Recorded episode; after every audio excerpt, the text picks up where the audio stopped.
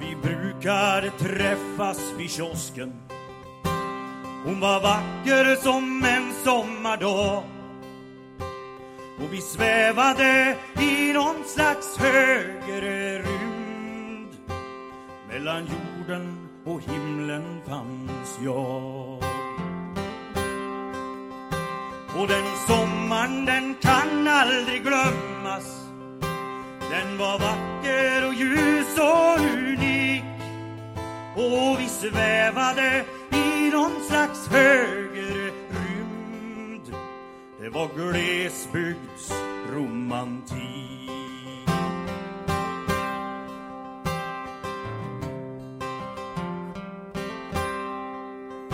Ja, ni vet slottern den hade just börjat. Och varenda bonde han slog.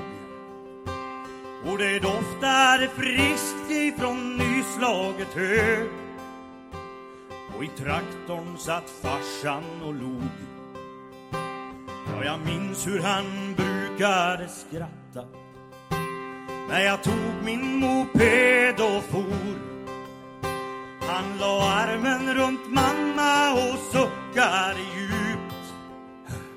Vår pojke har blivit stor. Den sommeren, den kan aldri glemmes. Den var vacker og ljus og unik. og vi svevade i noen slags høyere rymd. Det var glesbygdsromantik.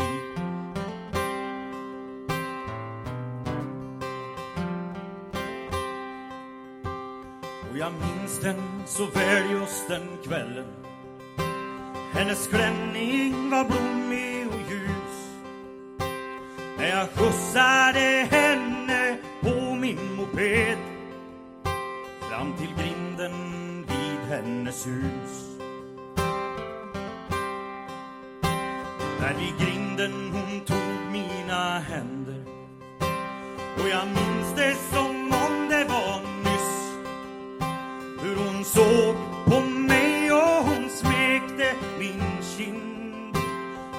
och meg sin første kyss. Ja, den sommaren den kan aldri glemmes. Den var vacker og ljus og unik Og vi svevade i noen slags høyere rund. Det var glesbygdsromantik.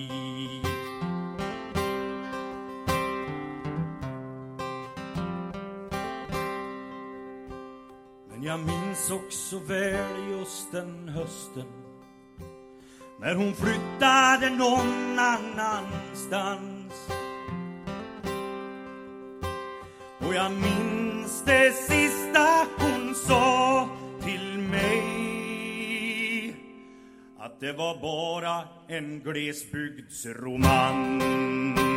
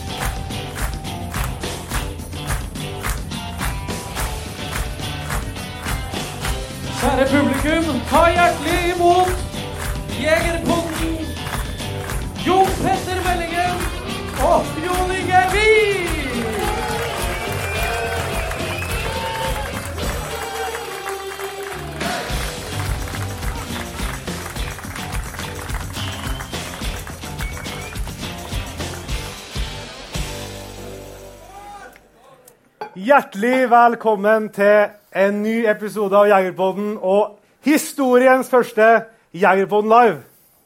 Yeah!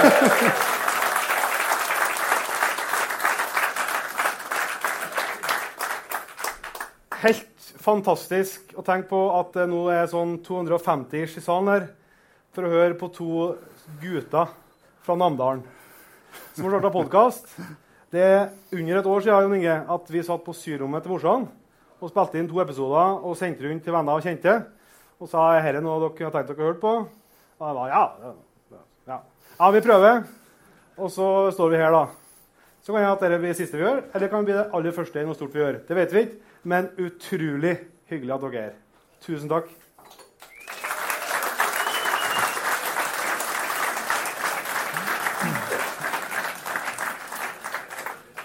Ja, vi har jo fått med oss, eh, vi har fått med oss en del eh, samarbeidspartnere for å få til eh, dette opplegget her. eh, som stiller med noen vanvittige premier. Eh, det er mer i premie enn hva vi har på konto, tror jeg. Ja, for sånn, det er premie til en verdi over det jeg har satt billetter for. Det må være Det må gi litt verdi, eller? Er spesielt eh, så en takk til Unsa Safaris, Faris, Norwegian Outfitters, Dokka Elektronikk, Markhusene, Skogteknikk, eh, Norma og Haklima. Det er jo vanlig at vi skal ta på litt sånn praktisk info. Dere som har eh, hørt på mer enn én en episode av Jegerpodden, har kanskje fått med dere at vi bruker å slite litt med tida.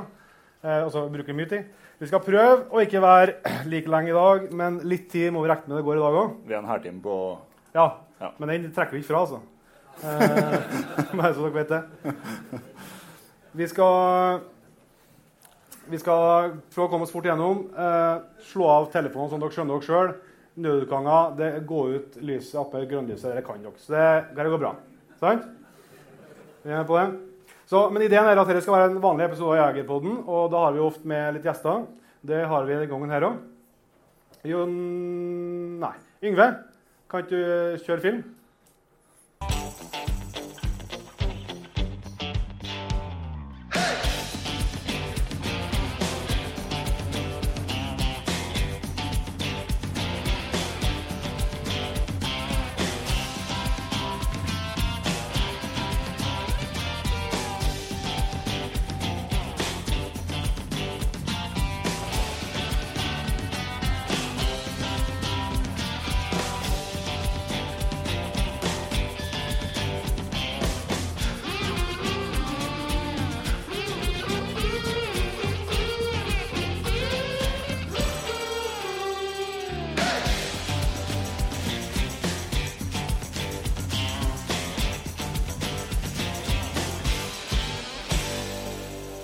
Ønsker vi hjertelig velkommen til Jon Steinar Vangen og Anette Dahl. Yay! Hei! Skål og ned. Skal jeg sitte her, eller? Jeg der.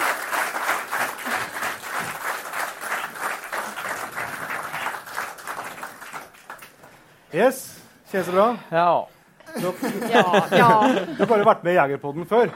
Ja. Eh, det var litt annet studio Ja. eh, på Skype, og jeg satt på gulvet og litt sånn, men eh, Det litt lengre avstand imellom. Ja, ja. Men eh, vi, når vi først skulle ha en eh, live-episode, så tenkte vi at vi i hvert fall har med noen eh, gjester som er mer vant til å stå foran folk enn det vi er.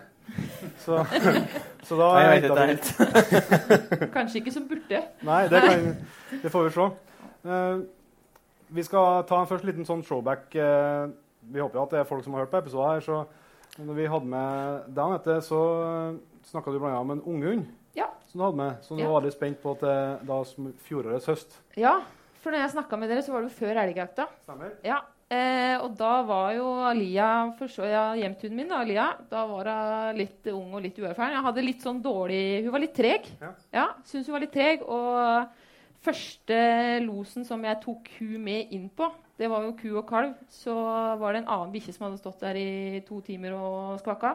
Når Alia kom, så var hun innpå fem sekunder, og så kom hun tilbake igjen til meg og la seg ned. Og ville egentlig helst sove og slappe av litt, så jeg hadde så litt mørkt på det en stund.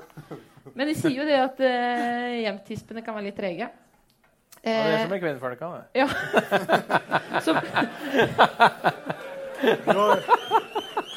som, så eier Du har vært en del i Jämtland, du. Du har vært en del i Jämtland, du, Steinar. Så. Ja. Ja. ja. Nei da, men i i hvert fall så I hvert fall så um, så jeg litt mørkt på det. Men så, når, vi kunne, når jeg kunne begynne å slippe igjen, og sånt, så nå var det et helt annet linje Og jeg merka jo hvordan hun forandra seg på en måte rundt meg og når vi var i skogen. og sånn også. Så det blei det ble elg. Ja.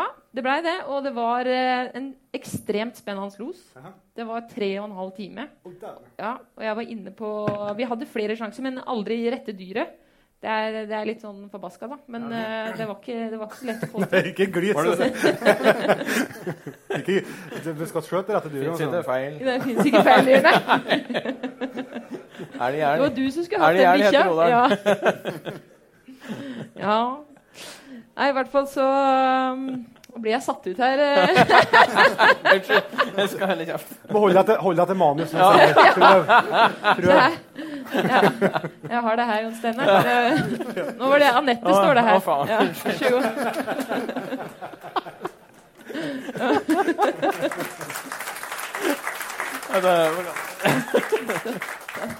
Ja, Jeg har en Ja, det. Ja. Tror det greier seg. Nei da, men det var tre og en halv time med los. Eh, og, ikke, og det var eh, Det blei jo felt elg, men det var faktisk feil elg, det òg. Ja, så. Ja. men det var ikke jeg som skøyt. Jeg var innpå i eh, Men sånn er det, sånn er det med, kanskje med jenter. Jeg blei litt eh, overkjørt der av en eh, en eh, gammel gubbe, vil jeg si. Jo, ja. ja. Yes. Var det trønder? Ja, nei, han var ikke det. Kunne vært. Men han eh, Nei da. Og jeg sa ifra på jaktradioen nå at jeg er inne på 30 meter her, og det står ei ku, og det skulle vi ikke ha. Eh, men eh, når eh, jeg skulle prøve å da ta bikkja igjen, så, så tok elgen litt ut, og Lia fulgte jo på. Og så smalt det, da, på første post. Og jeg var jo dritglad. Selv om det var feil elg, og det er ikke bra. Men Nei. eh, det var for min bikkje, så det var, eh, det var en eh, god og dårlig dag samtidig. Ja. Og så var det, og han i attpåtil hadde han på en måte snytt meg litt for en elg, og i tillegg så, så ville han ikke vomme ut. Så jeg måtte vomme ut for noe. Faen for noen folk du jakter med. Ja, vet du. Sånn er det i Telemark. Hva er navnet? Sånn offentlig lynsjing eh, her. Nei. Ja. Nei, men eh, det, det ble, hun funka veldig godt etter det. Ja. Brukte, fikk være med på andre jaktlag når vi var ferdige, og hadde elg flere ganger. Ja, så bra. Sånn Men det. feil elg, da, som vi har hos oss. Ja. I Telemark, det. I Telemark, ja. Ja, men da er dere i gang, da. ja. Så det var målet for sesongen. Det var elg fra Lia, og det gikk. Perfekt. Mhm. Og eh, når vi hadde med deg, Jon Steinar, så var det jo eh, Det var vel rett før, uh, før elgjaktstart, det. Da hørte vi jo bl.a. snakk om et, et kjempeterreng oppe i Steinkjer som du skulle. Ja, Kjempeglad i 50, 50 000 mål med myr. Ja, det er, Sånn haug midt utpå. jeg sliter ut et par jaktstøvler hver sesong. Det er ikke rart dere ikke har feil dyr hvis dere bare har myr. Er ikke det, det? det er vel der de havner, da. Fort ja, ja. myra. Mm, ja. Ikke. Eh, første gangen jeg skulle prøve å reise opp, så um, kjørte jeg på en elg. Ja. Så da, Du klarte ikke å dy deg. så da var jeg med å reise hjem igjen. Og ja. Så Jeg kom en kilometer, nei, to kilometer egentlig, fra der jeg bor. Kommer en elg uti veien. Turet, det er ingenting annet enn et gammelt, nedlagt rødt i hus og noen vivkjær på hele den veistrekka. Det er rett fram. Inni der sto det en elg. og den bare hopper ut og lander på panseret på heisen.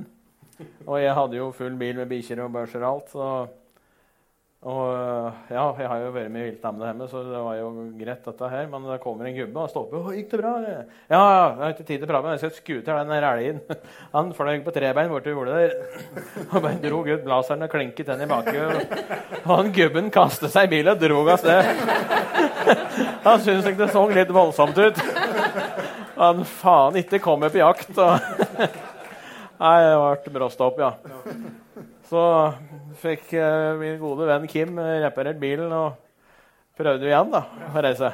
Da kom vi fram og begynte å jakte, og det regnet noe så inn i helvete sidelengs. Ja.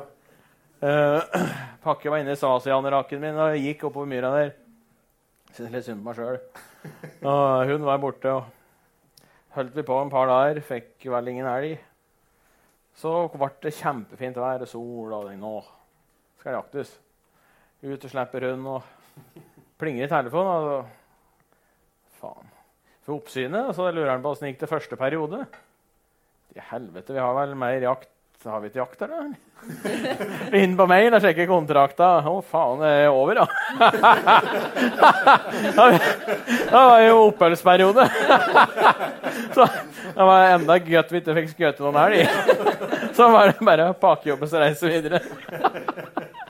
Så det var Men vi reiste tilbake. Kom sterke tilbake og Ja. fikk skutt i det vi skal. Altså. Ja, ja, ja. I myra. ja, det var veldig bra. Men uh, det har jo skjedd eh, mye på fronten siden, siden du var med. Anette. Du har jo vært med på jaktlaget. Ja. Hvordan eh, var det? Jo, eh, jaktlaget var kjempekult. Ja. Og noe av det kuleste med jaktlaget, det er Bernt. Bernt Nord, eh, som har ordna det. Og jeg syns det er så kult at det er satt i gang litt eh, Også litt sånn som dere har gjort. Med å sette i gang noe nytt og liksom skape litt, og litt sånn for alle og kunne samle og den biten der. Eh, og da var vi jo eh, Vi var jo da seks deltakere som skulle jakte sammen ei uke eh, på Tynset. Jeg var litt optimist. For det første så trodde jeg var Trysil. Og for det andre så trodde jeg Trysil var her omkring rundt Lillestrøm. så, så, så jeg sa jeg skulle komme etter jobb, og det var litt lenger å kjøre. Det var litt lenger å kjøre enn jeg hadde trodd, så jeg måtte eh, da ringe på søndagen eh, og si til sjefen at du, jeg kan ikke komme på jobb i morgen allikevel, for jeg må, må reise en dag før. før. Um, men så var det, men så samlas vi, og det var jo, jeg hadde jo møtt noen av de andre deltakerne før. Men det var jo så gøy, fordi at vi, og så blei vi jo delt i lag, og jeg fikk være med Joar. Og meg og Joar vi jakter jo veldig forskjellig. Både, han jakter jo mye hjort i line og ting og tang. Jeg jakter jo helst med bikkje. Det var liksom veldig sånn forskjeller på oss alle, da. Og det var veldig gøy. Ja. Eh, så man lærte veldig mye av det. Og så var det veldig hektisk. Det var det, Og det var konkurranser. Og jeg er egentlig et veldig konkurransemenneske. Ja, Men, ja, men jeg klarte liksom ikke helt For jeg er mer jaktmenneske. Ja. Ja. Så det var sånn når vi skulle ha konkurranse, så var det sånn Hvis jeg forter meg nå, eh, kan vi stikke ut på hjortejakt på kvelden da? Så da var det sånn OK, Anette, da kan du først, og så bare tu-tu-tu. Og så fikk jeg reise ut. Så det blei litt sånn eh, det ble, eh, Men det var kjempegøy. Ja. Jeg fikk jo jakta reinsdyr for første gang. ja, det gikk jo forholdsvis greit, eller? Ja, det gjorde det. Det var Jeg satt på fjellet og grein eh, til slutt. Det, var, men det er litt typisk meg. Har, men nå har jeg gått fra For når jeg begynte å jakte, så fikk jeg veldig sånn pipestemme etter at jeg hadde skutt. For jeg blir veldig sånn tom etterpå. Eh, nå har jeg begynt å grine. Oi! Ja, Så. Så jeg tror jeg har blitt litt eh, gammel her, kanskje. Ja, ja. Jeg er spent på hva neste, neste nivå er. Det er jeg spent på. Jeg så jo Halvor eh, mente jo at du var Norges beste jeger. Ja, tenk det.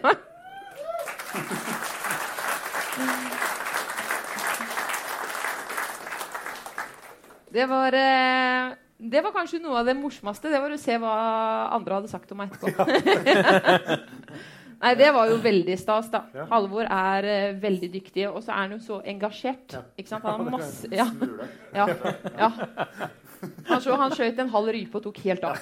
Tina hadde jo skutt på den først. ikke sant? Fjæra føyk jo allerede, og så skøyt han allikevel. Ikke sant? Det var jo det var på en måte fullt uh, Men det er uh, Halvor er så kul. Uh, og da er det veldig eh, Ja.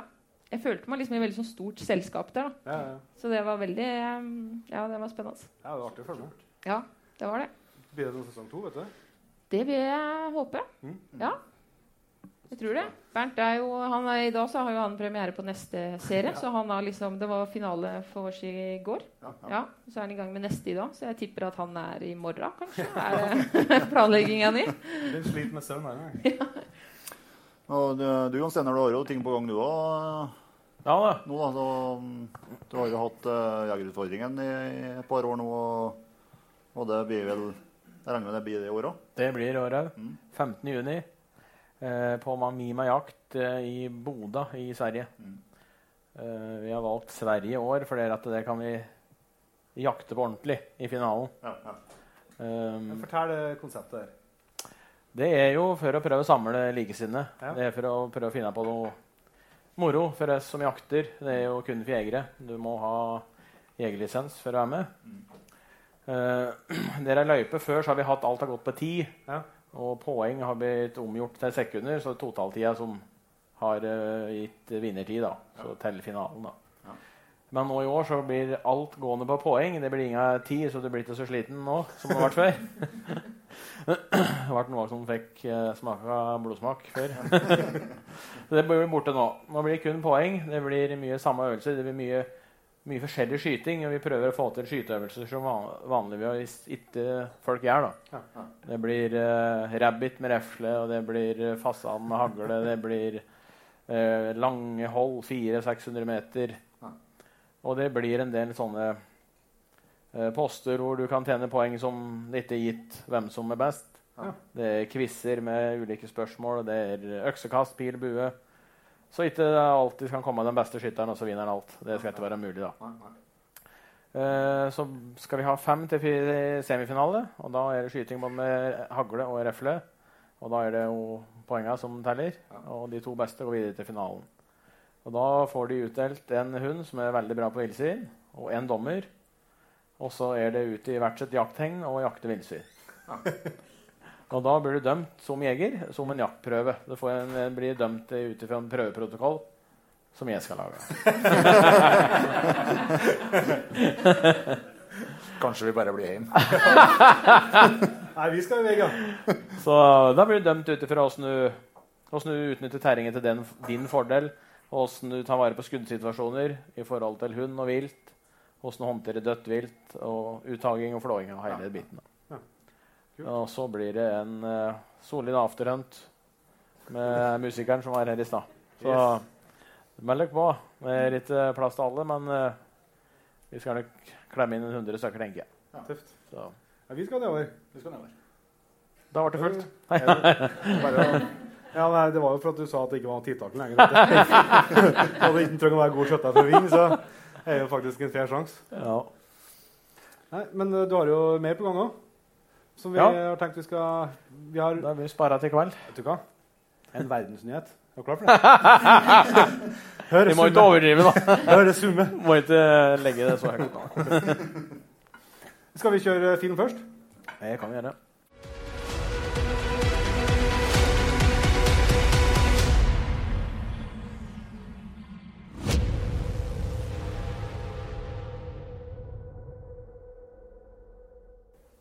Klare!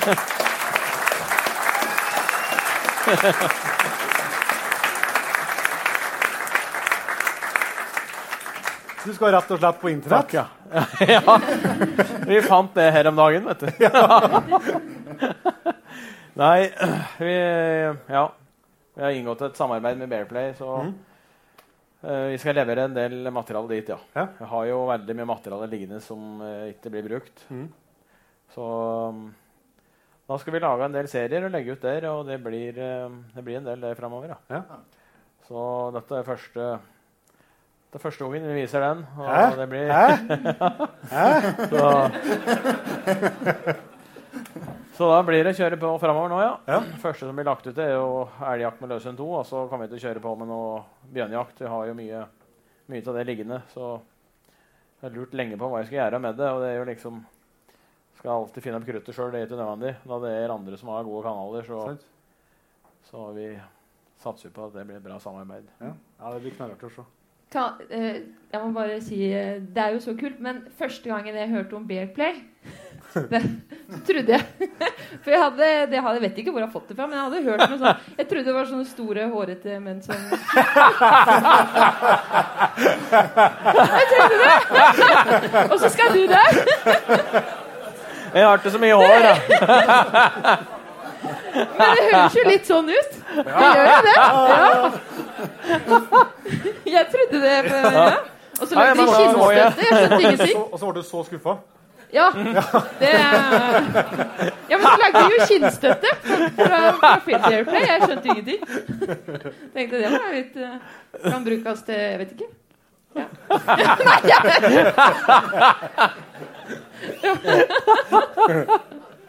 ja. Unnskyld. Jeg, jeg har en kommentar, men jeg tror jeg skal spare den. Det var det manuset, da, Anette. Ja, det var det. Eh. Men han, han Ja, begynte. Han begynte. Ja, helt enig. Helt, enig, helt, enig, helt enig. Vi skal gå litt, uh, vi skal gå litt videre. Jeg liker du mye hår? Var det det? du skulle?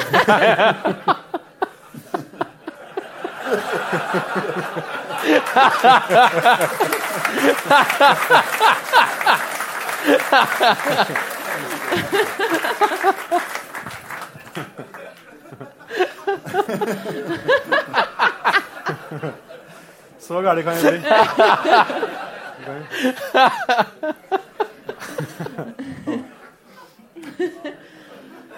Ja.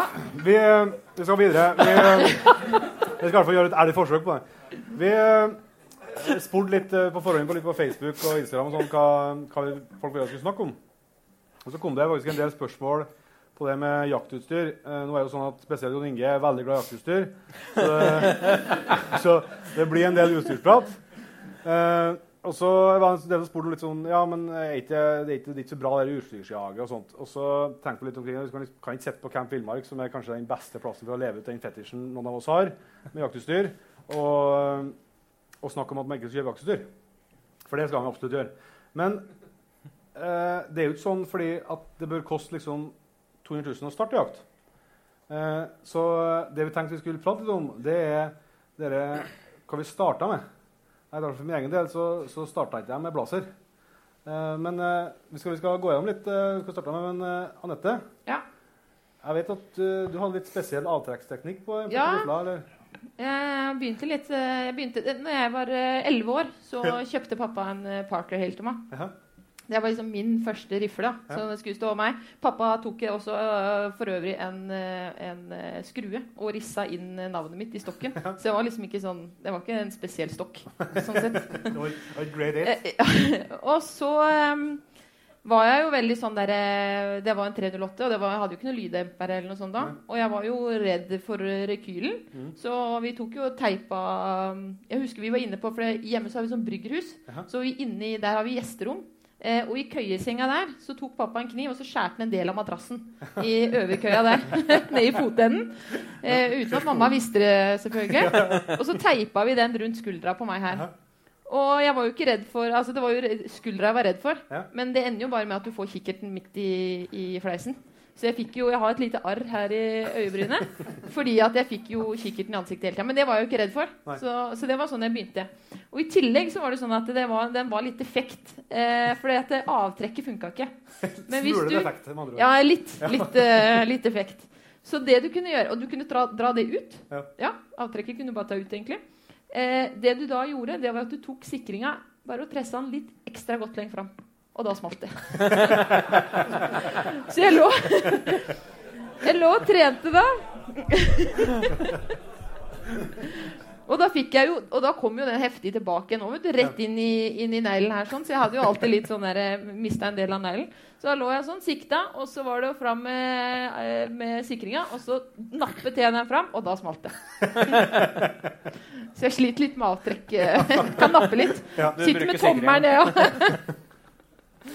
Så det var eh, Ja. Men jeg var kjempefornøyd. Ja. Ja, jeg syns det var kjempegøy. Ja, jeg òg kjempa min første rifle. Var ikke eh, sagt ikke blaser. Det var en eh, ombygd uh, tyskmauser. Det kan kanskje ikke hete tysk, ja, det er tyskmauser. Det var, na- nazihjørn på, i hvert fall. Eh, og den var jo helt topp, den. Uh, for så vidt var litt slitt på bane, for den etter eh, tre skudd så ville jeg ikke mer. Da måtte liksom ta Jeg drakk ikke kaffe, jeg skulle gjort det, så det går bra. Men uh, da begynte jeg å kaste. Men det som var bra med den, ja, Jeg være den første elgen med den kikkerten. Den kikkerten den var lik uansett hvordan eh, lys og føre og sånt det var. Det var, det var grå oktoberdag med skodd hver dag. Det var liksom ikke noe eh, Det var helt likt samme. Men også var det, det var fin å lære seg å skjøte på et vis, for det var liksom bare én sånn stolpe opp med en sånn trekant på toppen. Det er sikkert et begrep på det som ikke jeg kan. Men uh, det var stolpe opp med trekant på toppen, og det var så fint, for det bare legge den på, liksom, på foten på rein, så bare skjøt. Ja, jeg var midt i. Sånn omtrent. Så det var ikke uh, riktig blazer det starta med, nei. Men uh, Jo Steinar, du har jo delt noen historier. Du er jo ikke helt slapp på det. Eh, nå, du snakka om noe beverjakt. Eh, Ja, jeg driver mye rart. Eh, Ja.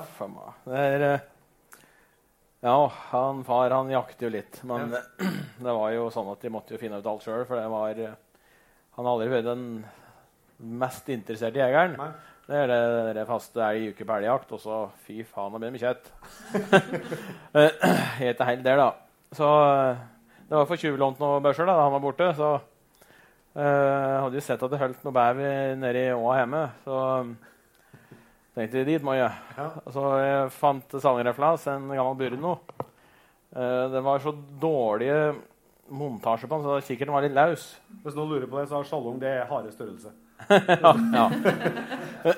um, da gikk ut og begynte å skyte inn denne børsa. Jeg skjøt inn på sukkerbæter på 50 meter. For jeg visste at må jo, denne beveren må jo virkelig treffe ordentlig i huet. Da. Skal jeg få livet av den, så jeg fikk, Og trådkors var løst. Ja. Men det var tre stølper og en prikk. Ja. Men prikken var jo midt i. Ja. Så altså, flakser rundt. Men prikken var på samme sted. Det fant de i hvert fall ut. Så fant de en rull med hvit elektrikerteip. Jeg var ikke så gammel, 12-13 år. Og fikk eh, skutt i en smell. Da gikk ikke så verst. Og Så var det å stille litt, og så teipe en runde. Og så holdt jeg på til sukkerbetene gikk da gang på gang. Og da følte jeg meg sikker på at da, går. dette går. Så var det bare å bære og være forsiktig da, ned til låa. og, og jaggu fant de den beveren. Ja. Jeg har ikke vært bever det skjea. ja, det er helt merkelig. Jeg skjønner ikke hvorfor. Men iallfall, jeg fikk jo livet av den der, da. til slutt. Jeg skjøt den smell. Det gikk jo rett ned den. Jeg hadde jo aldri skutt noe som helst før. så han fikk ikke noen krampetrekninger, da, for det var jo ikke noe voldsomt anslag med den 22 under. Så jeg skjøt tre skudd til da, i huet på den for å være helt sikker. Så det, ja, det var jo som en sukkerpose, det huet, da. Men, eh, men jeg kom ut over òg. det var i april, det var snø og is og helvetes kaldt på badet. Så var det opp igjen. da, Jeg måtte jo gå skogleier, så jeg hadde jo ikke noe å kjøre med. og ikke sykkel. Og jeg gikk hjem igjen og fant en gammel gummibåt og ned rett igjen. Hadde jo ingen pumpe. Og begynte å blåse opp dette der. Og hvis er noen har prøvd å blåse opp en gummibåt uten å pumpe før, så veit jeg tok det. Da jeg kom halvveis, da rykket det meg. Jeg tenkte helvete, jeg hopper uti. Og sjøsetet, det derre den halvoppblåste gummibåten som tok inn vann og padlet som faen og hva. Holdt på å frelse her, da. For jeg satt, jo på knærne oppi der, da. Og fikk da tak i den beveren og måtte dra dette hjem igjen. Både båten og beveren. Og liten og smed, da. Så det var slitsomt. Men det gikk bra. Da jeg kom hjem igjen, så skjønte jeg mor at det var Det var den kommentaren. Jeg som var så stolt. Den fæle siden som innskyting har fått livet av beveren, det var jo fornøyd. det, er det noen som har sett deg, da? Jeg tror ikke det. For jeg hadde jo ikke lov til å være der. Ja, på, på naboterrenget, ja. Ja. ja. ja.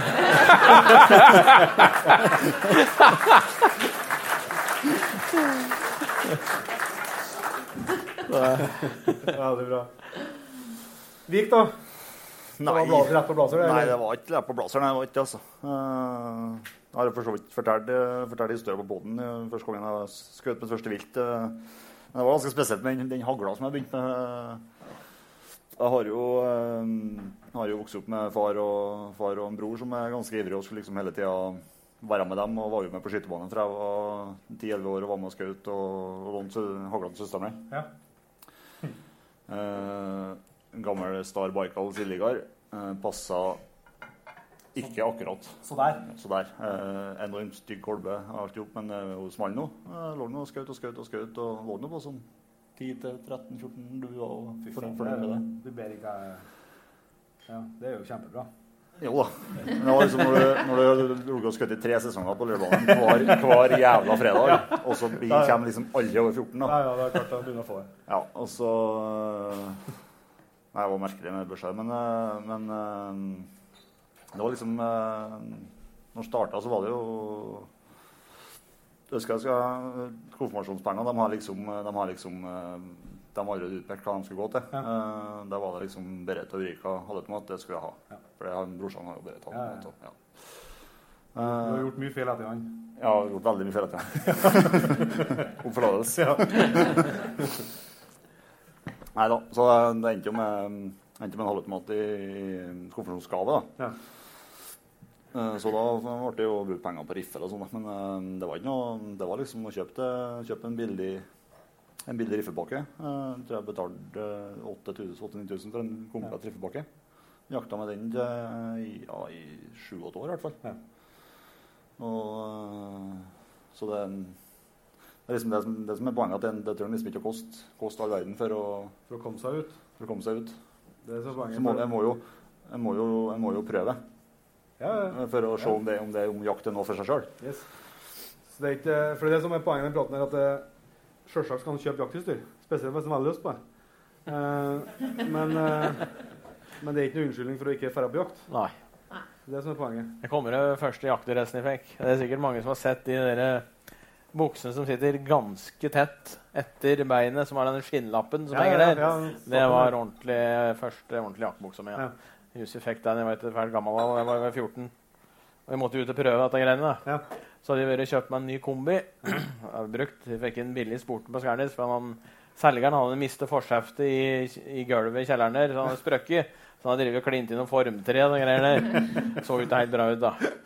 Så jeg kan du få kjøpt billigere En Valmut 412. Jeg har en, det bruker jeg fortsatt på bokjakt. Uh, da hadde jeg med meg alle år. Reiste på mopeden, da. Hente den. Ikke mopedlappen og ikke våpenkort. Så alt var som bruker å Ja, alt var på stell, ja. Akkurat sånn som jeg liker det. og så skjønte jo far og mor min at det er ute og opp, så vi må kjøpe en jakke til den gutten der. Så fikk jeg den skinnlappbuksa og så ei jakke. Og jeg var så stolt. Sasta-jakke, faktisk. Og det var jo rett til skogs, for dette måtte jo prøves. Måtte prøvegå. Så. og kom. Å, faen, jeg setter meg på gruppe til kvelds. Eh, Jeg hadde hund, da, men det var for seint å slippe. da. For det var jo bare en time at det var mørkt. Setter meg på gruppa, så kommer det jaggu tre rådyr. Så skjøt jeg to av dem. Jaha. Han uh, fikk ikke med meg hjem igjen. Så må vi fly hjem igjen. da. Så skriker jeg på han far. Og han begynte å bli ganske kjeit av bæra. så, 'Pappa, jeg må ha hjelp.' Og, og, og er det nå, da? 'Hei, eh, har du skutt noe igjen?' 'Ja, jeg har du skutt i råbukk?' 'Ja, to.' Hva faen er det vært nå, da? ja, det skal jeg ikke si.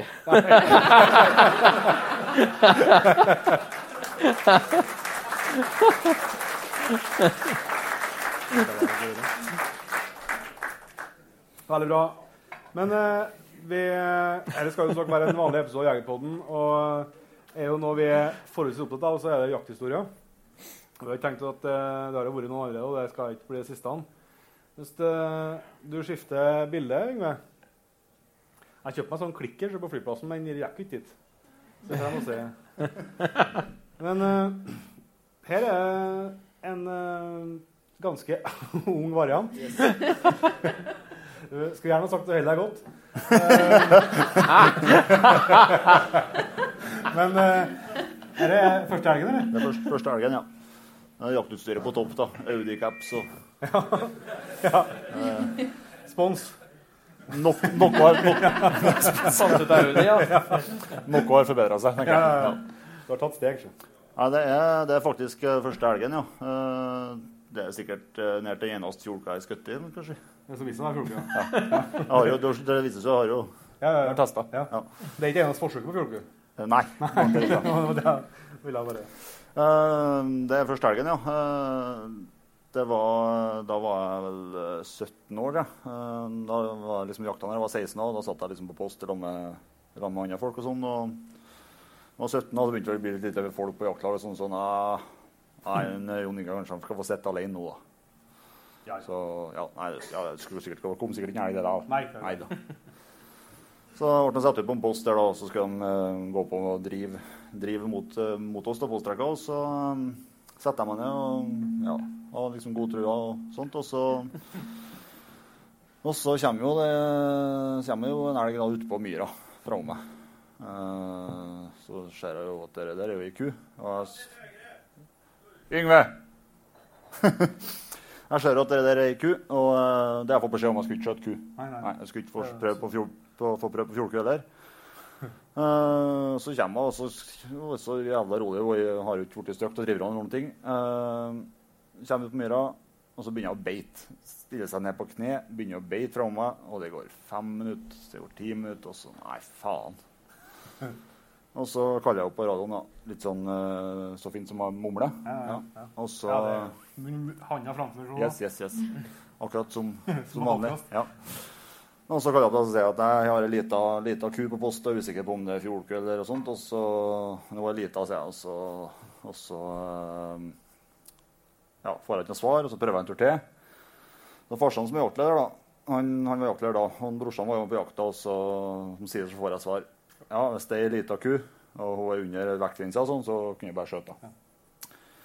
Og så har vi også drevet med en del uh, bjørnskjøting sånn på skjøtebanen. Og, og så har jeg fått beskjed om at eh, vi skal skjøte til det ligger. Ja.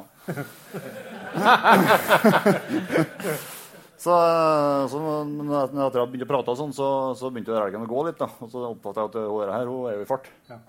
Så jeg dro nå på da, og, og holdt henne litt fram bogen. da. Og det skjedde jo ingen verdens ting, bortsett fra at elgen begynte virkelig å springe.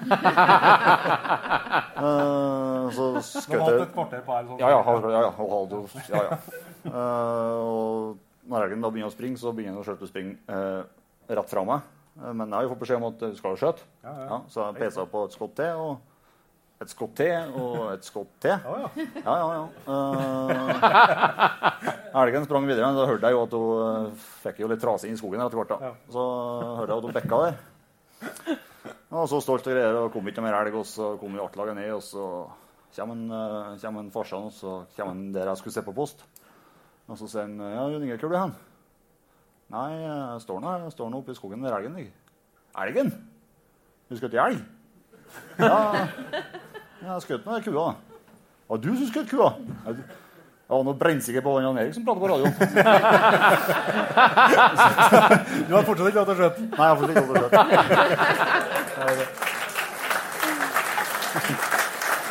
Det var Det var bare ett hull i elgen, da. Ja, det var Det det. var jo inn Ja, ja. året, da. Han skal, pa- han skal, passe, han skal passe på kjøttet. Ja, sånn, så ja, det er Må, må passe på bøgeren. Ja, passer bøgeren. det er viktig. Men uh, Jo Steinar, du er jo ikke uh, du, du har jo noen egger på samvittigheten, du òg. Og ei anna historie. Hvis vi får opp et uh, nytt bilde her, så har du tenkt å Du kunne jo selvsagt ikke ta noe fjolku, du. det, jeg må ta storoksen, ja. så, men du skal i hvert fall Du hadde historie bak den elgen her. du. Jeg husker ikke. det, det, blir, det blir vanskelig å komme på. Det blir så mange av dem, ja. Nei, det var litt Jeg valgte å ta den, for den var litt spesiell. Vi hadde jaktet mye i det området. og Funnet veldig mye store feiinger. Det var mye grove busker som var fedd, så vi visste det var en stor elg der. Uh, og de står det ofte veldig mye elg rundt. så Det er derfor det er vanskelig å få tak i dem hvis du tar en hund som velger okse. da. For du, har, du finner jo de hundene som er litt selektive på akkurat det. De syns det er mer moro å jage okse. Du har hatt en som var veldig glad i Veldig bra på kalv, ja. kalv.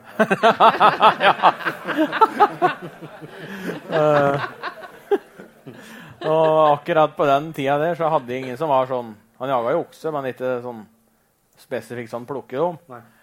Så vi vel nedi der i det var te, eller fire dager i strekk. For jeg forbanna meg på at jeg skal finne den elgen. Og tømte det området ferdig. Det er ikke så veldig stort heller. Det var uh, vei på begge sider av det. Det var liksom en tarm, og så var det ei elv. Og der var det veldig bratt ned mot elva. Og det var det eneste stedet hundene aldri kom De kom aldri ned dit. Og alle de store feiene var liksom på brekket 100 meter ifra, og så ned imot elva. Så jeg tenkte ja, det er der du står. Det er der du har gjemt deg. Så da var det en dag da bestemte meg for at nå skal jeg ned der. Skal jeg, gå med hund i, jeg hater å gå med hund i banen. Jeg tenkte jeg får prøve å gå med 100 meter i alle fall. Så jeg får den nedi der, så den ikke får tak i annen elg. Men da, da hadde det kommet litt snø om natta. Da får vi se spor over veien. Da har det gått ut en stor en. eh, Som du så det var runde kløver på, så jeg skjønte at den har jaggu lurt seg ut i natt. Og så hadde det gått med ei lita kvige. Og, Tydelig på det. ja. Og så hadde jeg en unghund som jeg slepte på der. Og øh, hun drog jo rett av sted. Tok sporene og drog av sted. Det var jo moro å se, da. Hun hadde ikke jaga Hun har jaga elg en gang da før jakta, så jeg visste at jeg jaga. Så jeg tenkte i og med at dette er såpass nytt, så skulle jeg få sjansen, da. Ja. Og slipper hun innpå. Altfor hardt i uttaket, så hun får seg en smell. Så hun går ned til et kjenn, og det blir der stående med rumpa mellom beina og synes dette var skummelt. da. Ja. Og da er det noen kilometer dit, da. Og hun gikk ut derifra, så jeg måtte gå inn. Og så prøvde de å gå etter, for jeg visste jo at den elgen den har ikke gått derifra. For det, flyttet seg aldri da hun tok ut. Hørte bare at det var litt heit i uttaket, og så ble det bråstilt. Det er dårlig tegn, da. Ja. Og prøvde å få henne innpå igjen, for da de har blitt skremt, så er det jo om å gjøre å prøve å få dem i gang igjen så fort som mulig, og ikke ta dem med hjem igjen. Som å, neste gang de er i skogen, så er det fall i. Ja. Men hun ville ikke. Det var Nei, det var ikke aktuelt. Så jeg tok henne med til bilen, og så reiste vi til fjells. For da ble det feil vind å gå på derifra. Så tok jeg Gamlund. Så gikk jeg på, på rett vind og i rett imot den posisjonen som siste kontakten var. Da. Og slipper han, og han taster av sted i vanlig trav, han. Og rett imot der hun hadde gitt seg, så ble det uttak. Og det stod. Og da visste jo at det står han. Så da var det jo vi, vi brukte jo lang tid på å komme dit. da. Vi var livredde for stykket. Det verste jeg veit, det er sure kjerringer og stykk elg. I den rekkefølgen? Ja. ja. ja. Mange som er enig. Så hun kom innpå, og den er faktisk den elgen Martin Brenne var med og filmet på Elgjakt i Norden. Ja. Eh, det er jævlig tett. eh, bjørkeris. Men jeg ser jeg har ei luke på bogen og sitter og sikter lenge. Og så får jeg drive på den en smell, og jeg ser den tar, jeg hører anslaget. Og så flyger jeg fram så fort jeg kan for å prøve å få det på film. da, At eh, han detter for en gangs skyld, for jeg er stort sett tett. og kommer fram, så kommer han jo fram bak ei gran. Så det gir en nakkesmell der er sånn stuper der. da. Og det var, eh, ja, det var moro. Og du veit at de er der. Og den dagen du finner dem, og du veit at det er den, det er spesielt. Ja, for da hadde du tre ganske bra dager. Hei. Oi! Da hadde du tre dager, ganske bra dager. Måtte, måtte Det var før, ja. Ja. Ja, Da fikk vi skutt i alle som var rundt den. Ja. det var at den kviga han, ja. Nei, det var travle slaktedager, ja. Så jeg skal den finne noen, så. Ja, ja, ja. Sånn er. Vi skal ha flere jakthistorier, men uh, som Jon Inge var inne på, så uh, har vi jo med oss en uh, hel haug med hyggelige folk og selskap som har uh, deltatt eh, og gitt oss premier som vi kan dele ut til dere. Skal gjerne hatt dem sjøl. vi nå skal vi dele ut en Tracker Supra levert av Dokka Elektronikk. En Bearskin jaktdress fra Markusene. Herkjel jaktdress fra eh, Skogteknikk. Vi skal dele ut en Hunter Elite jaktradio og et Bearplay årskort fra uh, Hunter og uh, Jeg jeg tror hun kan få det. Det er sånn det blir et ekstra, ikke sant? Hun som er litt sånn dirty. Fra Hunter og Norwegian Outfitters. Jeg har årskort. Og så skal vi rett og slett uh, gi gi ut en uh, Nevelos grabbag med snadder fra Norma. Hei! Ja. Men uh, før vi trekker, så gir vi en applaus til dem som har ordna premien.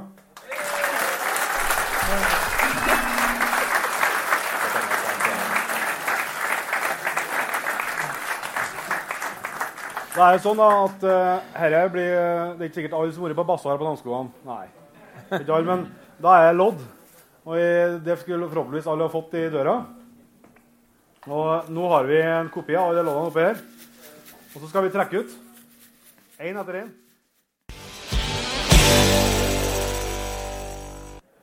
Tusen takk til, igjen til dere som har vært med og sponsa, og eh, gratulerer til dere som har vunnet. Vi skal videre. Jon Yngve?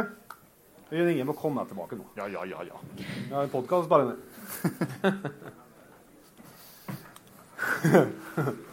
Ja, Jo Petter. Det er jo ei eh, Er det, er det fjolku der, Jonsen? Nei. det er den blinde, det. Eh, ja, det er meg, ja. Rett og slett. Eh, dere ser kanskje, dere som har et trent øye, at det er en jentehund i eh, høyre hjørne her. og så er det ei ganske stor ku. Det, Få inn, dør, få inn dørvakta. ja, send dem ut. Eh, Lås. Den eh, kua her jeg ble jeg på nesten eh, godt kjent med. Eh, for eh, tre-fire år siden da jeg kjøpte eh, min første løshund, Eiko, så visste jeg at han var ganske ung den første høsten, så jeg så litt mørkt på å bare ha én hund, for jeg var så jævlig gira på at det skulle bli. Så jeg fant en eh, annonse på Facebook eller på Finn, en som ville eh, låne ut en jevnthund. En som heter Mikki. Det han ser ned i høyre hjørne her.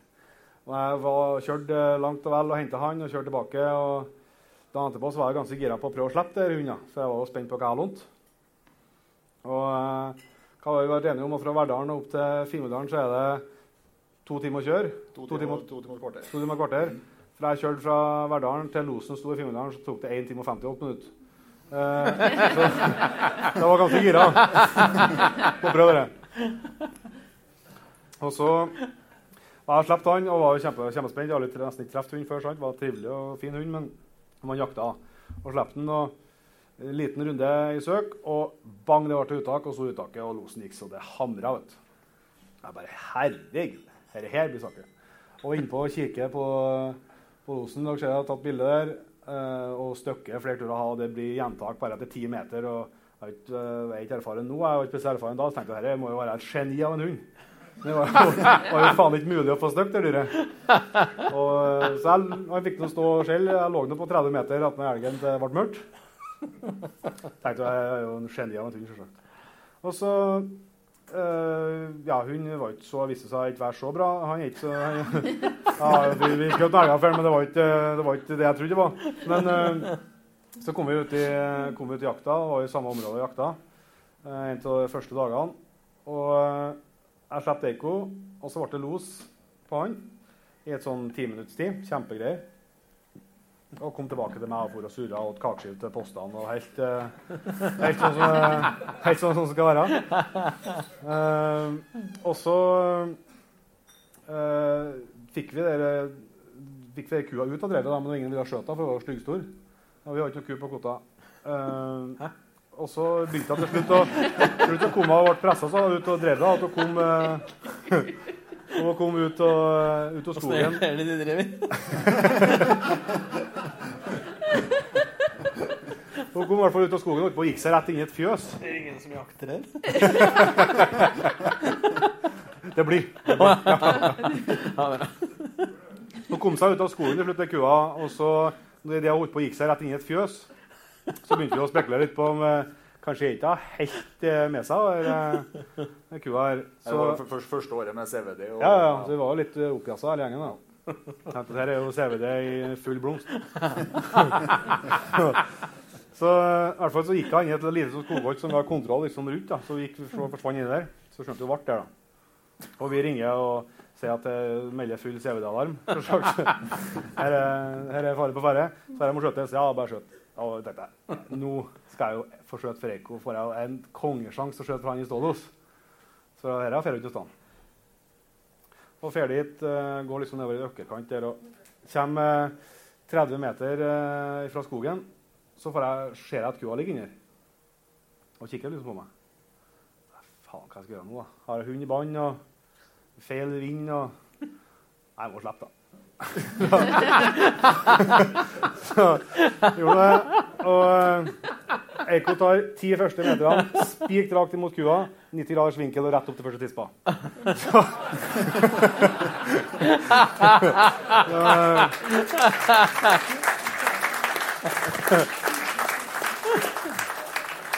Og så Nei, det var ikke noe å gjøre. Det var noe bare å gå inn og ta for vi har fått beskjed om vi skulle skjøte. Så jeg gikk nå inn og, og klinka ned kua eh, og ble liggende. Så jeg ble nesten kjent på og sagt da viste seg den losen der og eh, losen til Eiko, og at jeg fikk skjøta på fem meter slutt, hadde sin naturlige forklaring med at hun var blind. da. Det er kua. Så, så jeg har uh, fått allerede registrert kennelnavnet Den blinde ku. Så hvis det, hvis det er noen som, uh, så kommer her etter hvert i det, i det kennelnavnet. Nei, så det går ikke alltid, sånn som jeg planlegger. Men jeg håper, nå vet jeg historien du skal fortelle, Anette. Jeg håper at det gikk ja, det gikk jo bra. Jeg fikk jo skutt i kua. Ja, ja. Faen, skutt i egg. Det er jo ikke dårlig, bare det. Men, uh, men uh, det gikk jo ikke alt sånn som jeg tenkte. Men uh, hvis du bytter bilde, Yngve Så her sitter jo noen med Og gliser. Ja. Ja. Det, er sånn, det må ikke på Instagram. Da blir det stygge kommentarer. og- ja, det er det. Ja, det blir det. Det blir det. Men det gjør ikke noe. Nei. det er verdt det. Ja. Eh, I 2017 så kjøpte jeg jo gård, Ja. og med egen jaktrett. da, Og syntes jo det var veldig, veldig stas.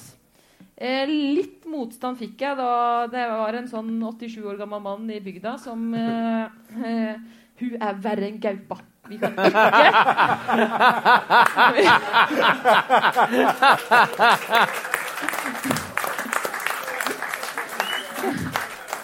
Vi kan ikke Vi kan ikke la hun jakte aleine. Nei. Nei, nei, er jo galt. Men uh, ja. Nei, men han var, uh, ja, han, han var ganske bitter. Ja, han hilser ikke. Nei, så- Nei. Mat fra- meg. Mange sånne, ja. Ja, men det går bra. Uh, men i hvert fall så var det liksom da når jeg hadde fått mitt eget jaktterreng. Så, men jeg var jo terrenget er ganske kjent i fra før. For jeg, er jo, jeg kjøpte jo nabogården til søstera mi. Og hun har jo terrenget der. Og, ikke sant? og det var liksom naboterreng og, og hele pakka. da Så jeg var sånn tålelig kjent. Eh, og så har det begynt å komme en del hjort til Sævara. Så jeg tenkte at nå skal jeg prøve å få litt ferten på hjortejakt. Jeg har jo aldri vært noe særlig god på det. Det har jo ikke vært noe særlig hjort hjemme. Første hjorten jeg skøyt, da trodde jo pappa at jeg hadde skutt et rådyr. Han, han bare 'Har du skutt et rådyr?' Ja, nei, det er en hjort. Han var ikke helt sikker. Men, eh, men eh, det sier litt om at det har liksom ikke vært så mye hjort, da, og ikke hatt på en måte de mulighetene. Men så tenkte jeg at nå skulle jeg, nå skulle jeg finne en god plass. Og så var jeg en del rundt i skogen og er jo mye ute med bikkja mi. da, og, og fant en plass hvor det var mye hjortetråkk. Og så tenkte jeg at her skal jeg sitte. Og det er helt innerst, lengst vekk fra alt. Ja. Det er på en måte så langt inn i terrenget du kommer. Du har ikke sjans til å komme. Det er ikke dekning, det er ikke bilvei, det er, ikke, det er ingenting. Eh, men jeg hadde jo det, gått er det skog der?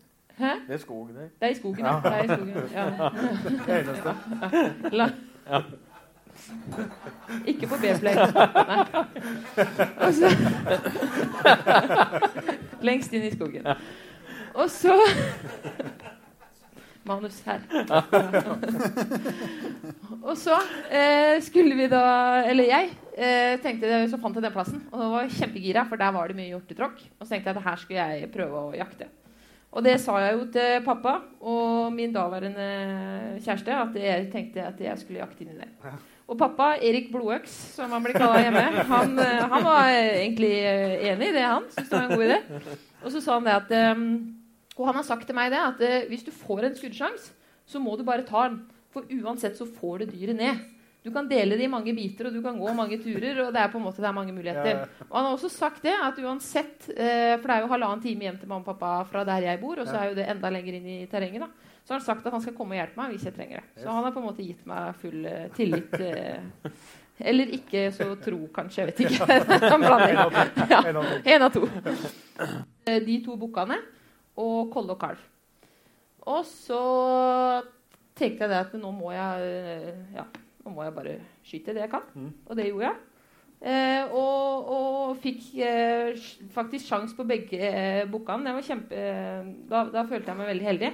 Så lå jeg og sikta på kalven, men så tenkte jeg at nå hadde jeg vel nok å Du er ikke, du ikke Jon Steinar, med andre ord. Nei. Da hadde det vært tomt for hjort. Ja. Det er derfor det er mulighet til at det vokser i stammen hos oss. da. Det er klart. Ja. Jeg tør, ja. Jo.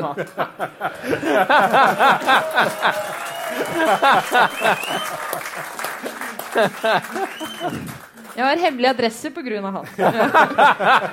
Jeg vet ikke hvor det terrenget er. Nei, men så Sånn. Men i hvert fall så, så var jeg kjempeheldig og fikk eh, skutt begge to. Det gikk veldig bra. Men det blei jo mørkt eh, rett etterpå. Og så fikk jeg ut av de og satte opp eh, påler og merker og hang fra meg litt klær på disse pinnene og sånn for å vite hvor de lå hen og liksom rigga til. Og begynte å gå ut, for jeg tenkte at jeg må jo ha noe hjelp til å få de det. Begynte å dra på den ene for øvrig. Det funka ikke så Det funka ikke så bra.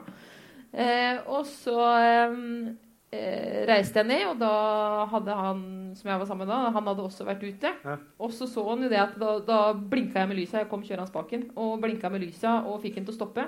Og spratt ut av bilen full av blod og hadde jo grin, ikke sant? For jeg begynner å grine. Satt i mørket og grein og dro, og det var litt sånn kaotisk. Og, og, og spratt ut. Og, og så han bare Nei, har du skutt hjort inni der? Og jeg bare Ja! Det hadde jeg, jeg var kjempefornøyd. Og han bare Ja, en kalv, eller? Jeg bare Nei. Og så bare Ja, hva har du skutt, da? En seksdager! Og han bare Har du skutt en bukk inni der? Vi får den aldri ut. Og jeg bare Å, en nitager!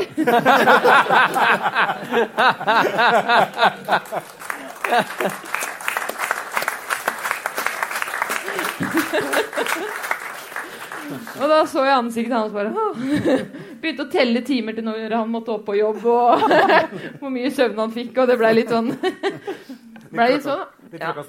Ja, ja, ja. Men det gikk veldig bra. Du gjorde det, og jeg var nede hos søstera mi og fikk låne Hun var firhjuling, da. Ja. Så jeg fikk lånt opp og kom liksom et stykke opp, og det gikk faktisk overraskende greit, da. Ja. Men eh, det var litt vittig, for da når jeg snakka med han, ansiktet hans bare datt sammen. Og søstera mi hun bare Ja, ja, god natt. Og pappa, når jeg ringte til pappa, og, sa, og da sa jeg liksom det første samme. Han bare 'Ja, hva er det du har skutt?' Jeg bare 'Ja, en seksdager'. Og han bare 'Ja, kult! Ikke sant? Kjempebra'. Og bare 'Å, en nitager'. Og han bare 'Ja!' Ikke sant? Så da fikk jeg litt, eh, få litt støtte der. Ja. Men det er litt gøy. Det er sånne opplevelser jeg husker ekstra godt. da. Og så er det litt moro. Det er eh, på en måte de første hjortene jeg har skutt på eget eh, terreng. Da. Ja. Mm. Ja, veldig kult. kult. Ja.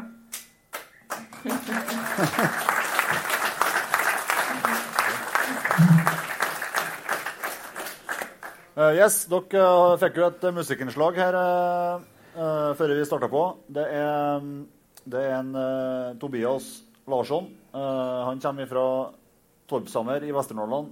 Eh, Han har kjørt 70 mil én vei fra å være her, han. ja.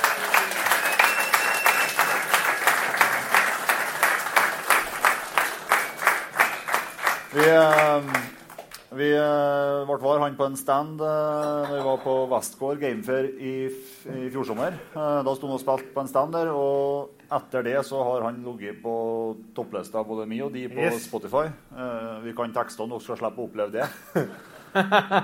så eh, han skal spille en ny sang til oss, og så blir det litt eh, show etterpå igjen.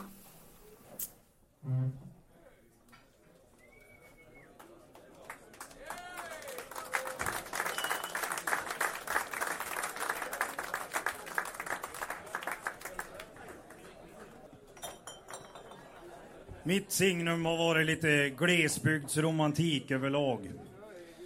Det mest glesbygdsromantiske jeg har hørt talas om det var når det var en kompis som ringde til meg, og så sa han så her Du, vet du, jeg har truffet kjærligheten.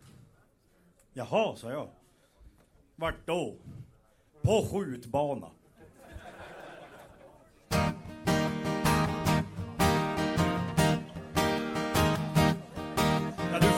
Får gjelder låta bli om du vil', Men det var i fjol som det hände Jag var iväg och sköt in studsaren min vid skjutbanan bortanför byn Plötsligt svängde det in en bil som parkerade vid vägens ände Det var någon som öppnade dörren och klev ur och jag fick mig en härlig syn.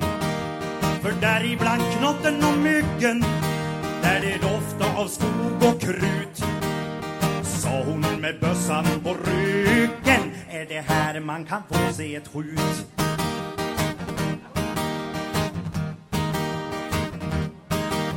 Hun hadde just flyttat til grannbyn og hun søkte nu jaktmark til høsten. Hun hadde bodd i Stockholm et tag men hun var barnfødt i Glommersträsk Hun hon ser det, hon gjorde det bra. Jag bjöd på kaffe och darra på rösten När jag tackade ja då hon bjöd mig hem till henne på bönor och fläsk Hon var finare än snuse och i luften där låg det amore. Och bakom Volvon spruta gruset när jag hem till henne for. En skogens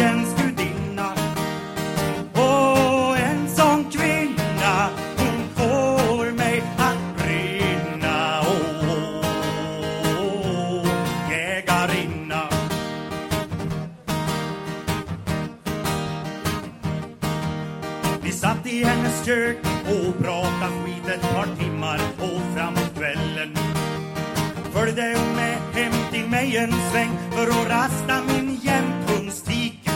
Och jag bjöd med henne in och efter en stund satt vi där framför brasan på fällen och vi pratade om jakt och om våra liv och det blev glesbygdsromantik. Och numera så är vi gifta och vi jagar i samma lag. Lova, det får hon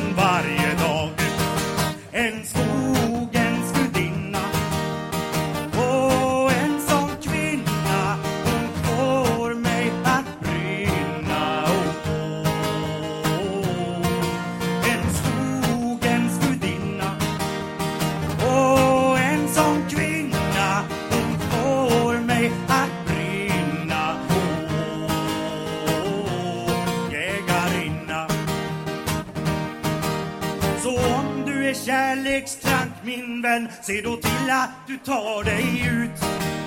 Se bara till att du får studsaren med åk till banan och få dig ett skjut.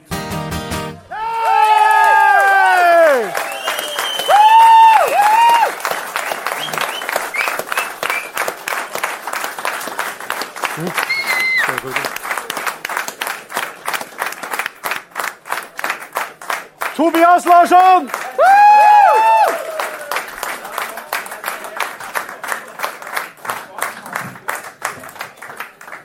Tusen hjertelig takk, Tobias. Jeg er så utrolig glad for at du kunne ta turen til Lillestrøm. Ja, det var långt. Men uh, her er Sjekk ut Tobias Larsson på Spotify, så har dere Larsson band. band. Ja. Band på Spotify. Ser dere. Vi, skal, vi holder på å nærme oss en slags eh, avslutning, her, så vi skal ikke holde dere så mye lenger. Men uh, vi har en plan om å dele ut et jaktopphold i Sør-Afrika. Gjennom Unsva Safaris og Norwegian Outfitters. De eh, stiller rett og slett et jaktopphold i Sør-Afrika sju dager. Og du kan til og med få lov til å ha med en eh, partner. og det, det skal vi. Det, vi er litt spent på neste del, så nå må dere eh, Vi skal ikke holde, holde dere opp så lenge, men nå må dere følge med litt, for nå skal vi rett og slett kjøre en Kahoot. Da er det også klart for å fyre ut hvem som eh, skal til Sør-Afrika. Men du, kan du forklare det der litt? Eh, eh, nei. Det kan bli en egen episode. Det ja. Ja. En egen Meldingen sesong. på. Egen sesong, ja. Vi ser hva som er på pallen. Det er også førstepremie i Sør-Afrika-tur. Og så har vi noen trøstepremier på andre og tredje.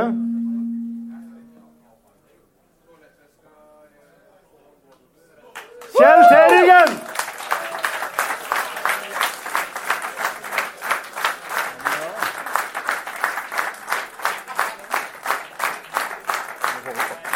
Bare på opp.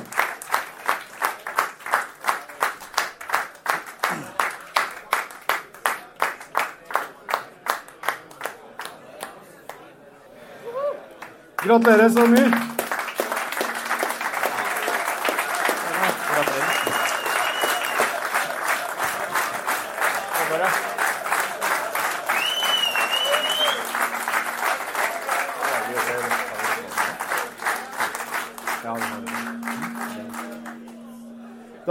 Vi begynne å runde av. Eh, Først av alt så skal vi si tusen hjertelig takk til Anette og Jon Steinar som hadde lyst til å bli med på den galskapen her. Dette var en eh, kjempeartig kveld. Stor applaus.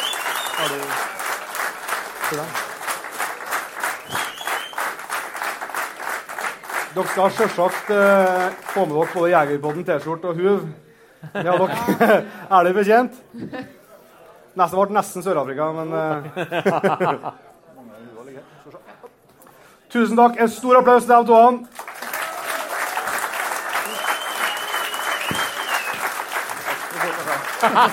Faen! Tusen hjertelig takk for at vi fikk være med. Det var veldig moro.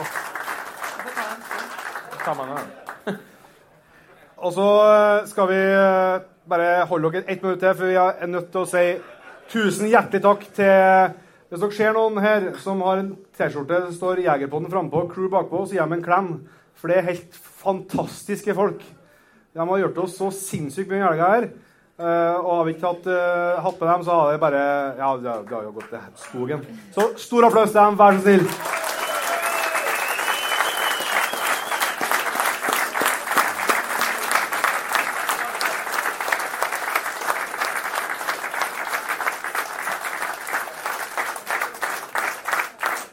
Og så eh, er det jo sånn at eh, det er to stykker som eh, er så uheldige å bo i lag med og Petter. Eh, Milda hun er her en.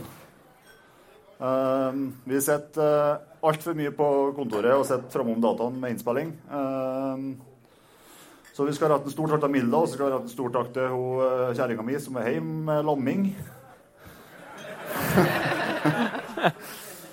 så en hjertelig stor takk til dem som gjør at vi får holde på med dette.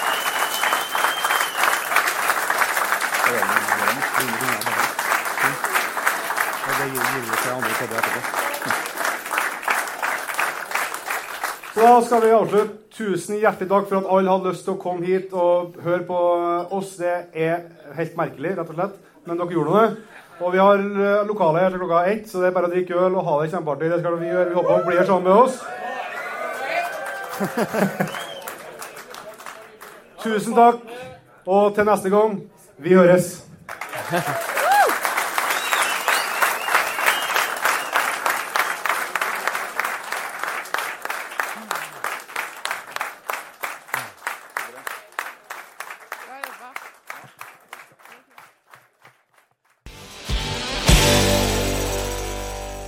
Yes, det var Jegerpodden live, Jon Inge. Det var en ganske artig kveld, eller? Ja, det var helt, det var helt vilt, rett og slett. Ja, det var, helt, ja, det var rett og slett sjukt. Det var styggartig uh, å være på scenen.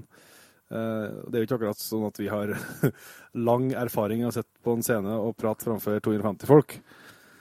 Nei, det er ikke det. Um, jeg skal ha Jeg var jo Jeg skal ærlig innrømme, jeg var skitnervøs før i. Ja, mens Tobias spilte, spilt før i showet der, jeg var så nervøs. Og men så når jeg kjørte i gang introen og jeg hørte liksom stemninga i publikum, og det klappa og det trampa og det plystra og hyla, og tenkte jeg dette her kan jo ikke Dette må jo gå bare én vei. ja. Det var for sent å angre seg uansett. Ja. Nei, det er ikke det artig, altså. Og utrolig mye som du sier, liv i salen, og tilbakemeldinger liksom i sånn underveis på et vis på, på vitser. Og Anette og Jon Steinar er jo selvsagt eh, veldig takknemlige folk å ha med seg på sånt. da. Ja. De er jo både vant til å stå på scenen, og de er jo, er jo forholdsvis eh, vittige folk så, med gode historier. Ja, nei, det var helt eh, Det var helt suverent. Og så var artig at det liksom ble en stappfull sal og, og så god stemning, da. Ja. Selv om vi vet at vi har eh, forbedringspotensialer dere der og selvsagt både på eh, hvordan arrangementet er gjennomført og litt hvordan salen, salen er og sånn. Men eh, det har, jeg syns vi landa sånn forholdsvis eh, på fotene i hvert fall til at det er første gangen. Ja. Det, forholdene tatt i betraktning, så, så må man nå eh, sette med den konklusjonen, ja. Ja. For det var jo en liten sånn behind the scenes, så uh, var det jo Camp Villmark stengte jo først klokka seks.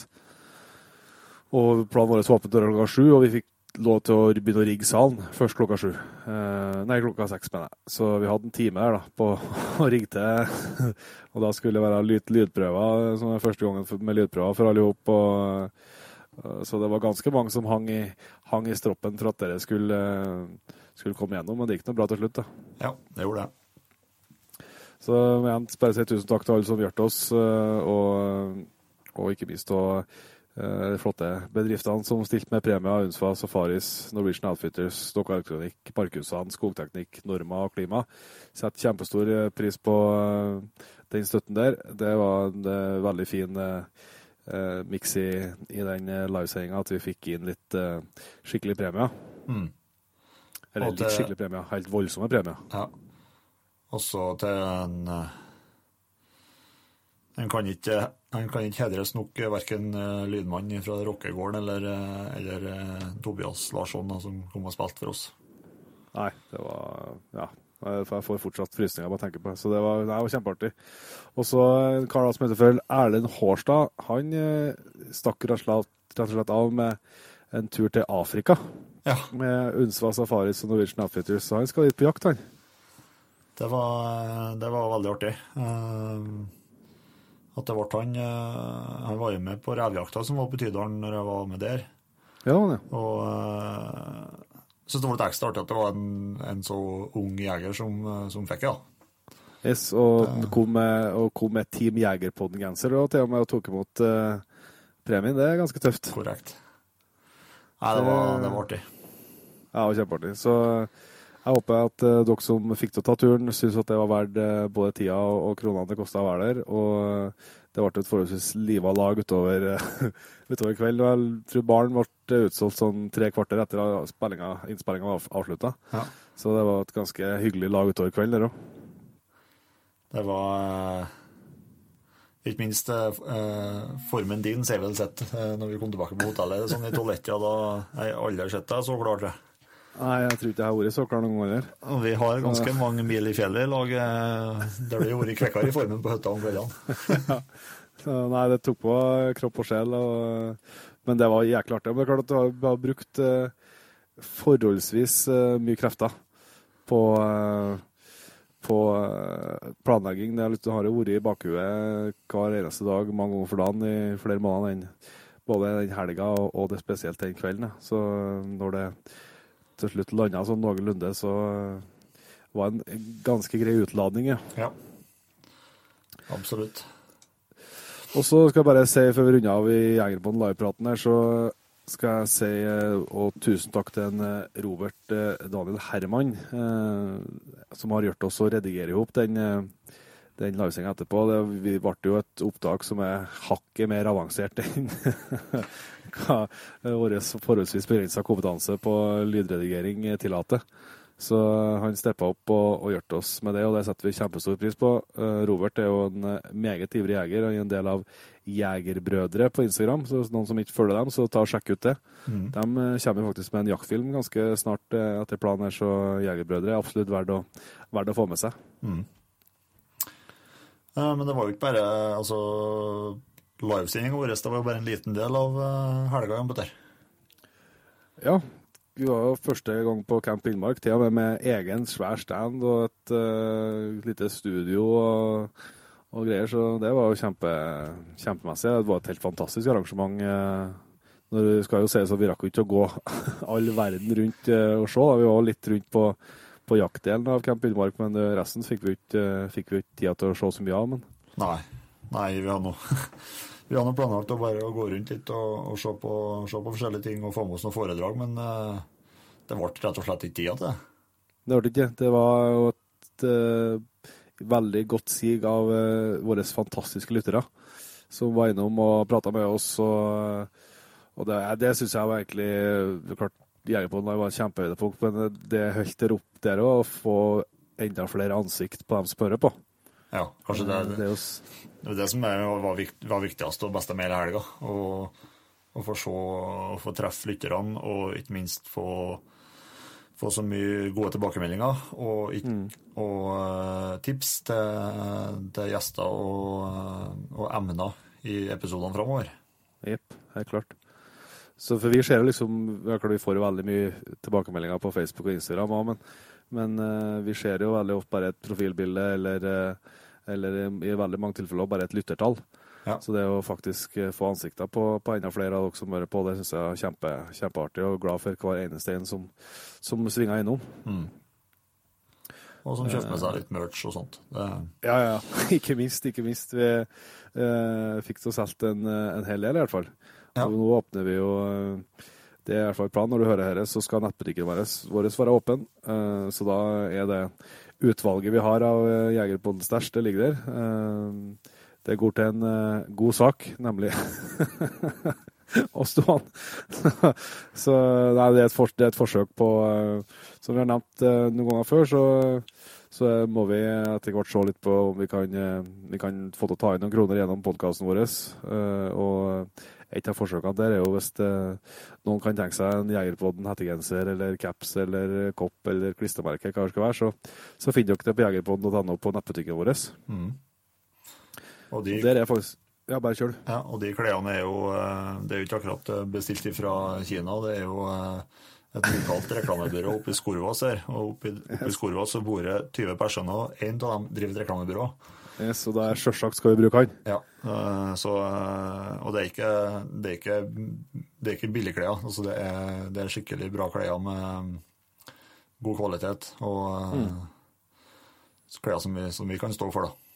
Ja, altså er det sånn at vi tenkte at vi først skulle gjøre noe sånt, så er det ikke vits å kjøpe inn eh, det billigste av billige bare for at det skal at vi skal sette av det mest mulig, eller at uh, det skal være så billig som mulig. Vi har lyst til at hvis folk først skal kjøpe det, at det er klær som er, er behagelige å bruke, og capser som er eh, og Vi har hatt de capsene et års tid, og, og det er, det er jaggu ikke mange dager de ikke har vært brukt. Så, nei, så det håper jeg at det er flere som har lyst til å sjekke ut det. Mm. Og si tusen takk til en Ronny Nam Reklame òg. Eh, ja. Det er jo et, eh, det er jo ikke så mange som har han som nærmeste, men eh, han er iallfall veldig, veldig, veldig dyktig og veldig trivelig og har hjulpet oss kjempemye. Så stor takk til han. Ja. Mm. Og så har vi fått litt utover vinteren her, litt tips til noe som egentlig er litt ukjent, i hvert fall for meg og Inge, men som heter for Patrion. Ja. Det er ja, det er flere av dere som hører på, som har, har tipsa oss og gjort oss klar over at det, at det finnes. Det er en, en kan, hva vi det, en slags folkefinansiering. kanskje det enkleste, eller et frivillig abonnement, eller kall det hva du vil. Det er altså et system som heter Patrion, der vi har laga oss ei, ei side. Og så er det sånn at man kan gå inn der og støtte Jegerpodden og hjelpe oss både med å ja, uh, få til å tjene kroner, og, og kanskje, og ikke minst, uh, få til enda bedre utstyr, mer stabil lyd osv. osv. Mm.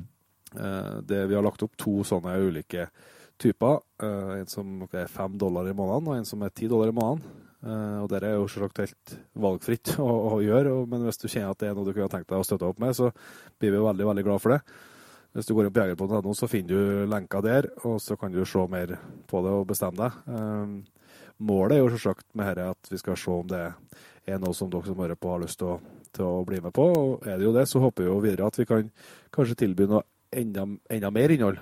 Det er ja. ekstra til dem som, som, er med oss på, på Patrion. Uh, vi tør ikke å love ut det uh, før, vi, før, vi, ser hvordan det, hvordan det sparker i vei, men, men, det er i hvert fall helt klart en målsetning. Ja, altså det, det, går jo Det, det blir jo til, til, kanskje å få til litt bedre studielokaliteter, eh, mye bedre lydutstyr. Og, men ikke minst at vi òg kan eh, basere oss mer og mer på å kjøre og treffe lytterne våre og få i gang praten eh, med dem når vi treffer dem. Ja. Eh, og ikke via, ikke via, Skype og det programmet vi bruker nå, via video. for at det Eh, det funker jo, det blir jo, det blir jo helt greit, men, eh, men, eh, de gangene vi har tatt praten face to face, så setter vi på stedet med følelsen av at praten flyter mye bedre når vi får treffe dem over en kaffekopp eller, yes. eller noe sånt. Ja, så, så ser jeg at det er noe du kunne tenkt deg å være med på. Så de har lagt inn noen, noen små fordeler allerede i dag òg, så du får nå sjekke ut dem. Men ta og sjekk ut Patrion, så får vi se om det er noe som som, eh, som, kan slå an for oss. Så ser jo det veldig etter hvert men jeg ser det er mye podkaster og youtubere og sånt som, som, baserer seg på det. Og det eh, ser ut til å fungere veldig, veldig bra for mange, i hvert fall. Ja. Også, og så skjedde jo én ting, stor ting til på Camp Innmark. Helt korrekt. Da ble det gåsehud, da. Ja, og tårer i øynene og Nei, det var jo rett og slett eh, ene lytteren vår. Eh, vi har jo lagt merke til ham, for han, uh, han er ivrig på å kommentere og, og er tydelig en ivrig lytter. Som rett og slett Det var det skal si, det var synd at han, han var vel på arbeid, men det var ikke vi fikk til å treffe han sjøl. Men han sendte i hvert fall uh, dattera si av gårde for å gi oss to gaver. Yes. to fantastiske kniver. Det er altså snakk om Kims kniver på Instagram. Ja. Eh, det må alle sammen sjekke ut. Han har laga to helt fantastisk flotte Jegerpod-kniver med initialene våre i, i leret på, på eh, slyren og, og i, i bein eh, på, på skaftet så er det liksom inn, Hva heter det? Krimsj... Krimskrå? Skimksjå? Nå er det utenfor fagområdet vårt. ja, men det er i hvert fall et begrep på at man skraper vel inn i, og, inn i bein, og så legger på sot eller noe og lakker over. Og Der er altså, er altså logoen vår i, i skaftet. Helt, et fantastisk håndverk, rett og slett. Og to ja, knallfine kniver. Ja, helt, helt utrolig. Men det er jo sånn at en, eh, det er nå ikke sånn tørs å ha med på jakt, vet du. Nei, det er det som er Det blir ikke å gjøre opp eh, vomskutt i elg med dere, nei. Nei, det, Kjennes ikke sånn. og, og da blir det ikke noe, det elg i hele tatt å gjøre opp. nei, det er som er, vet du.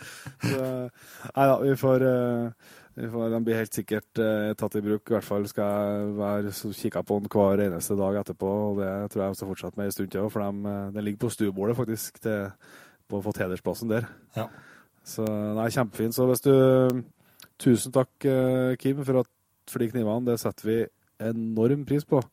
Og uh, sjølsagt må du få litt eh, reklame tilbake fra oss. eh, så hvis noen eh, går og spekulerer på en jobbursdagsgave eller en julegave, eller hva det skulle være, og kan tenke seg at en, en handla kniv kunne vært noe, så sjekk ut Kims kniver og ta kontakt med han. Det er i hvert fall et veldig, veldig flott flotte kniver han lager.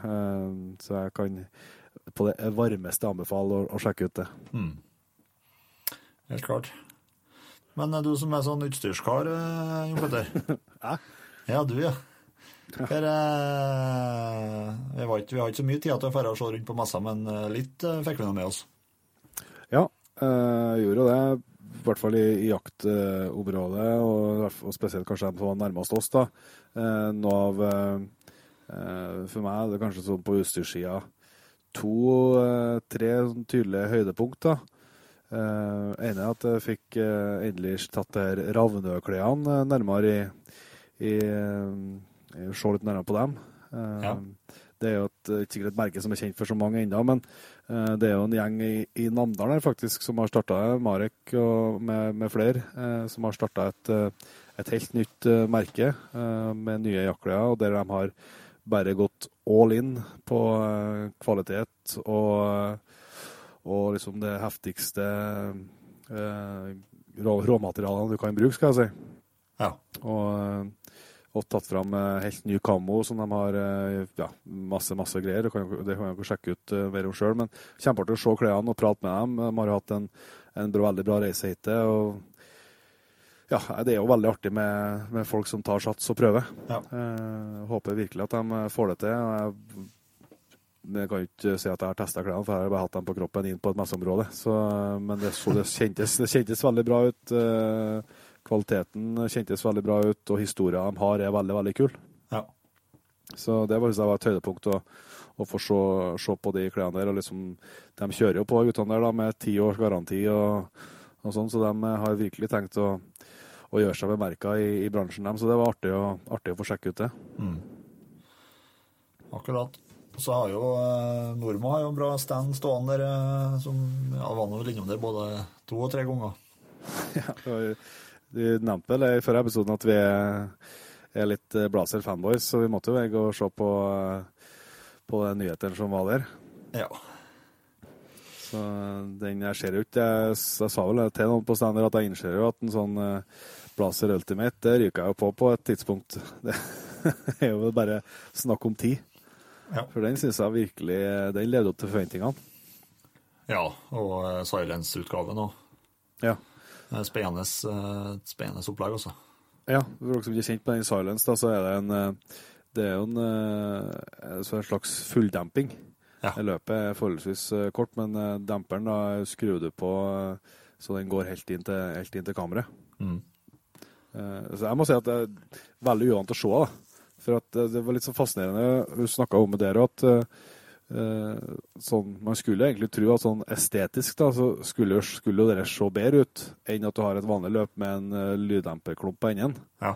Men det var liksom så uvant å se det, så jeg ble liksom ikke helt sånn uh, jeg, Men så er det jo veldig ofte med sånn nyvinninger at når du liksom ser det første gangene, så det blir du liksom ikke helt sånn overbevist, og så går det litt tid, og så blir det plutselig det som er det aller fineste.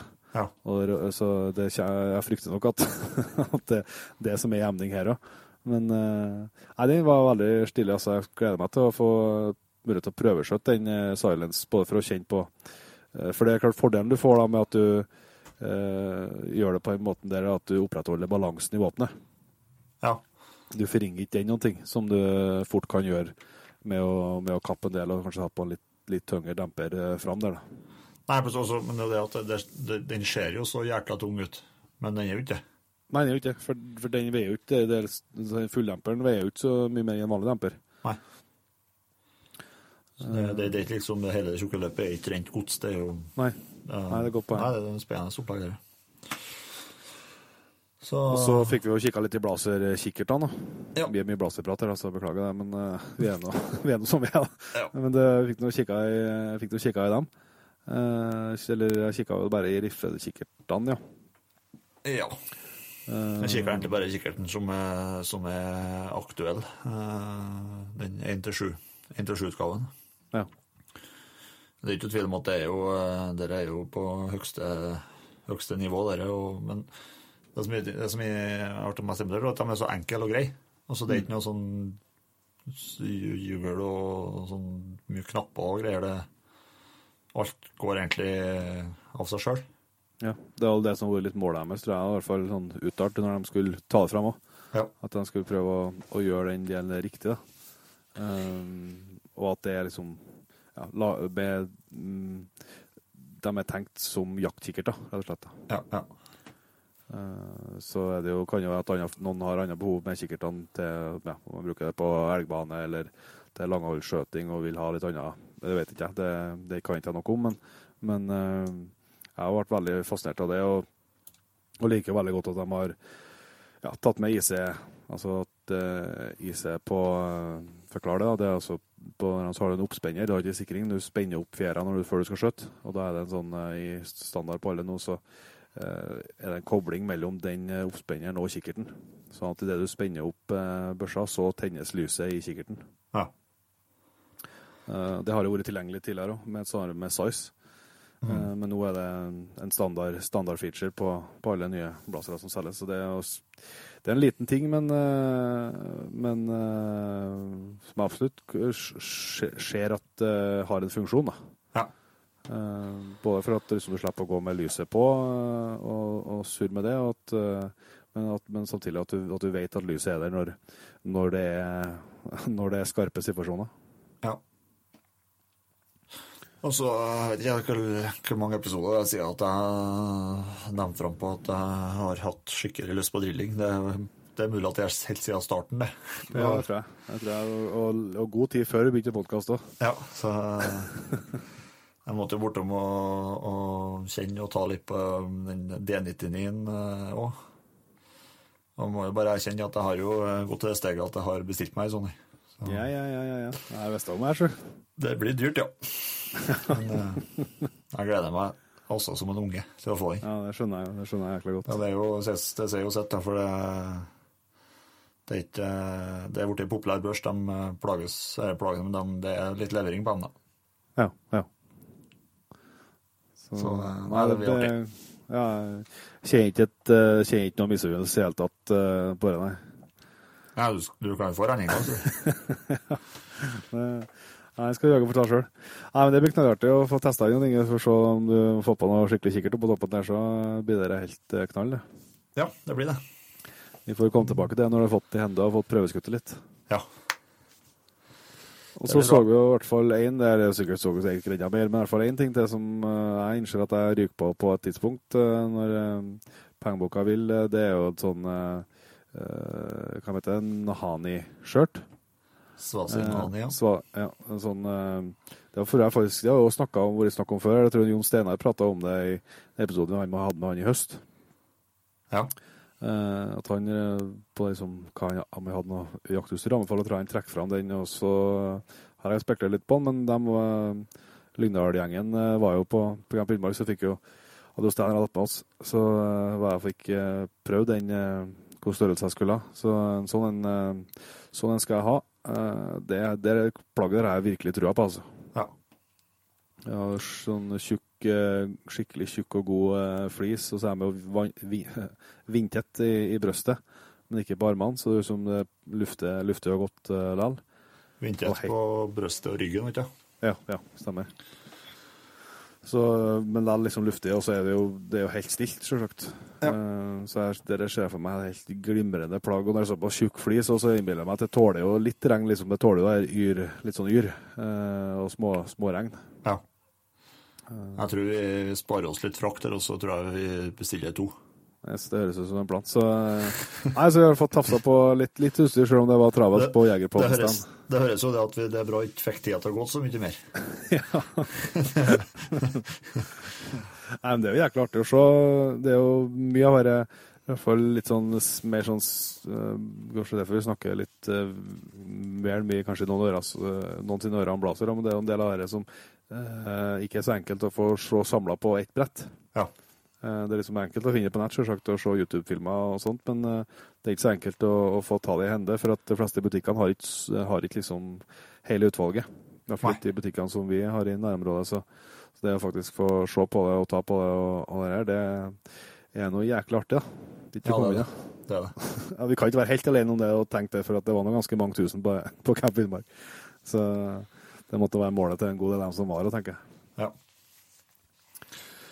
Men uh, det har jo skjedd ting utafor uh, Camp Villmark og uh, Jegerpodden live og sånn òg. Vi har Det gjenstår å bli en familieforøkelse oppe i Grøndalen, forhåpentligvis. Ja. Norma har vært på frierferd til en meget pen hannhund fra Namnarseid. ja. Og hun er ikke kostbar, hun, så de har, stoppa i Skal vi se ja. Torsdag onsdag. De har stoppa i vekka nå. Ja. Så eh, jeg føler meg ganske sikker. Hvis alt går til planer, så tror jeg så blir det nok valper her i månedsskiftet juni-juli. Ja. Det er så der røk den sommerferien. ja. ja, det blir jo veldig spennende å se. Ja, jeg har skikkelig trua på, på det her. Um, Likte han Det er ene vet jeg jo er god. Eh, ja. Kanonbra revehund og bra på gaup. Og, og den er brukt på bjørn og villsvin og alt sånt. Og, mm. Men jeg liker, spesielt når jeg så den, så liker jeg liksom kroppen på den, for han har samme kroppen som Norma. Lang i fotene og ja. ikke så veldig tung og ikke så veldig brei. Ser på at han er rask. Så ja.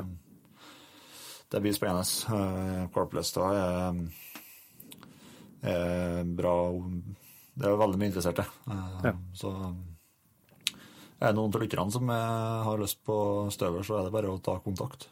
Mm. Det, hvis jeg skulle hatt støver, så har jeg tatt telefonen, ja. ja. og, så må, og så må vi nevne noe, Petter, for at jeg eh, Faen, det høres ut som jeg har voldsomt med penger, men eh, Grong Sparebank de har kjøpt seg en ny jaktbil. Ja, det har vi. Gratulerer til Grong Sparebank. ja. Det ble, det ble sånn, ja. Du er endelig tilbake på Hilux. Ja. Mm. Det, det, svir langt inni Haies hjerte, men uh, han svikta meg for Ja, det er faktisk en måned siden nå. Ja. Så svikta han meg med dieselpumpehavari. Det er ikke Haiesen sin feil, da, for det, jeg har fylt dieselen en stund når jeg har fått vann i dieselen, så pump, ja. hele, hele dieselpumpa i kvelder, og så har jeg vært uten bil i, i en måned nå. Ja. Uh, så det ble jeg dritlei, så den uh, får jeg tilbake nå straks. Så den, uh, den havner jo òg ut for salg, da. Det er noen, er noen lyttere som har lyst på en seksseter Highas. ja. Bare flott, ja. ja. Da får de med Jegerpodden-logo på hele byen i tillegg. uten, uten, noe ekstra. Ja. Så Ja, det blir jo knall på et uh, Hallux, da. Blir jo sånn det blir hund, hundkasse etter hvert, og full pakke, det. Ja, det blir nok det. det det blir, så jeg skal hente inn på fredag, da, samme dagen som denne episoden her slippes ut. Så jeg Ja. gleder meg ganske bra på det. Jeg ble eh, litt nyere og dyrere enn hva jeg så for meg, men eh, det var en meget pen bil og et bra kjøp, så den, den slo jeg til på med en gang. Ja. eh, vi måtte faktisk innom og se på den på tur oppover eh, fra Lillestrøm, så Ja. det var, den så jækla fin ut. Altså, det blir spennende å se det, i hvert fall når den skal, skal rigges med litt nye Jegerpodden-merker og sånt. Det, det gleder jeg meg til. ja. Og lys. Og lys, ja. Ja. Og lys, ikke minst. Yes. Nei, men uh, oppsummert så har jo uh, både Jegerpodden live og, og Camp Finnmark vært en kjempeflott uh, opplevelse, eh, og noe vi håper vi får til å, å gjøre eh, mer av. Eh, Helt vi klart. skal i hvert fall eh, ligge i selene for, for å få til det, vi. Og så eh, må dere veldig gjerne sjekke ut jegerpodden.no. Der er det jo både alle episodene vi har, men òg noen muligheter både for nettbutikk og, og link til, til Patrion. Sjekk ut, sjekk ut det, og se om det er noe, noe som, det som kan være noe for deg. Mm. Eh, og så må du gjerne følge oss på Facebook og Instagram. Det blir vi veldig glad for. Så eh, er vi klar til en uh, ny runde. Er litt, uh, har det føltes litt sånn at vi har jobba opp mot en deadline mot den helga her uh, som har vært. Ja. Så nå gleder vi oss til å, til å nullstille det litt og, og kjøre på med videre episoder. Vi har veldig, veldig, veldig mye spennende navn på lista framover, så jeg tror vi skal klare å komme opp med mange gode episoder. Ja. Vi ser sånn, og så eh, er det bare å avslutte med som vanlig, det. Vi høres. Vi høres.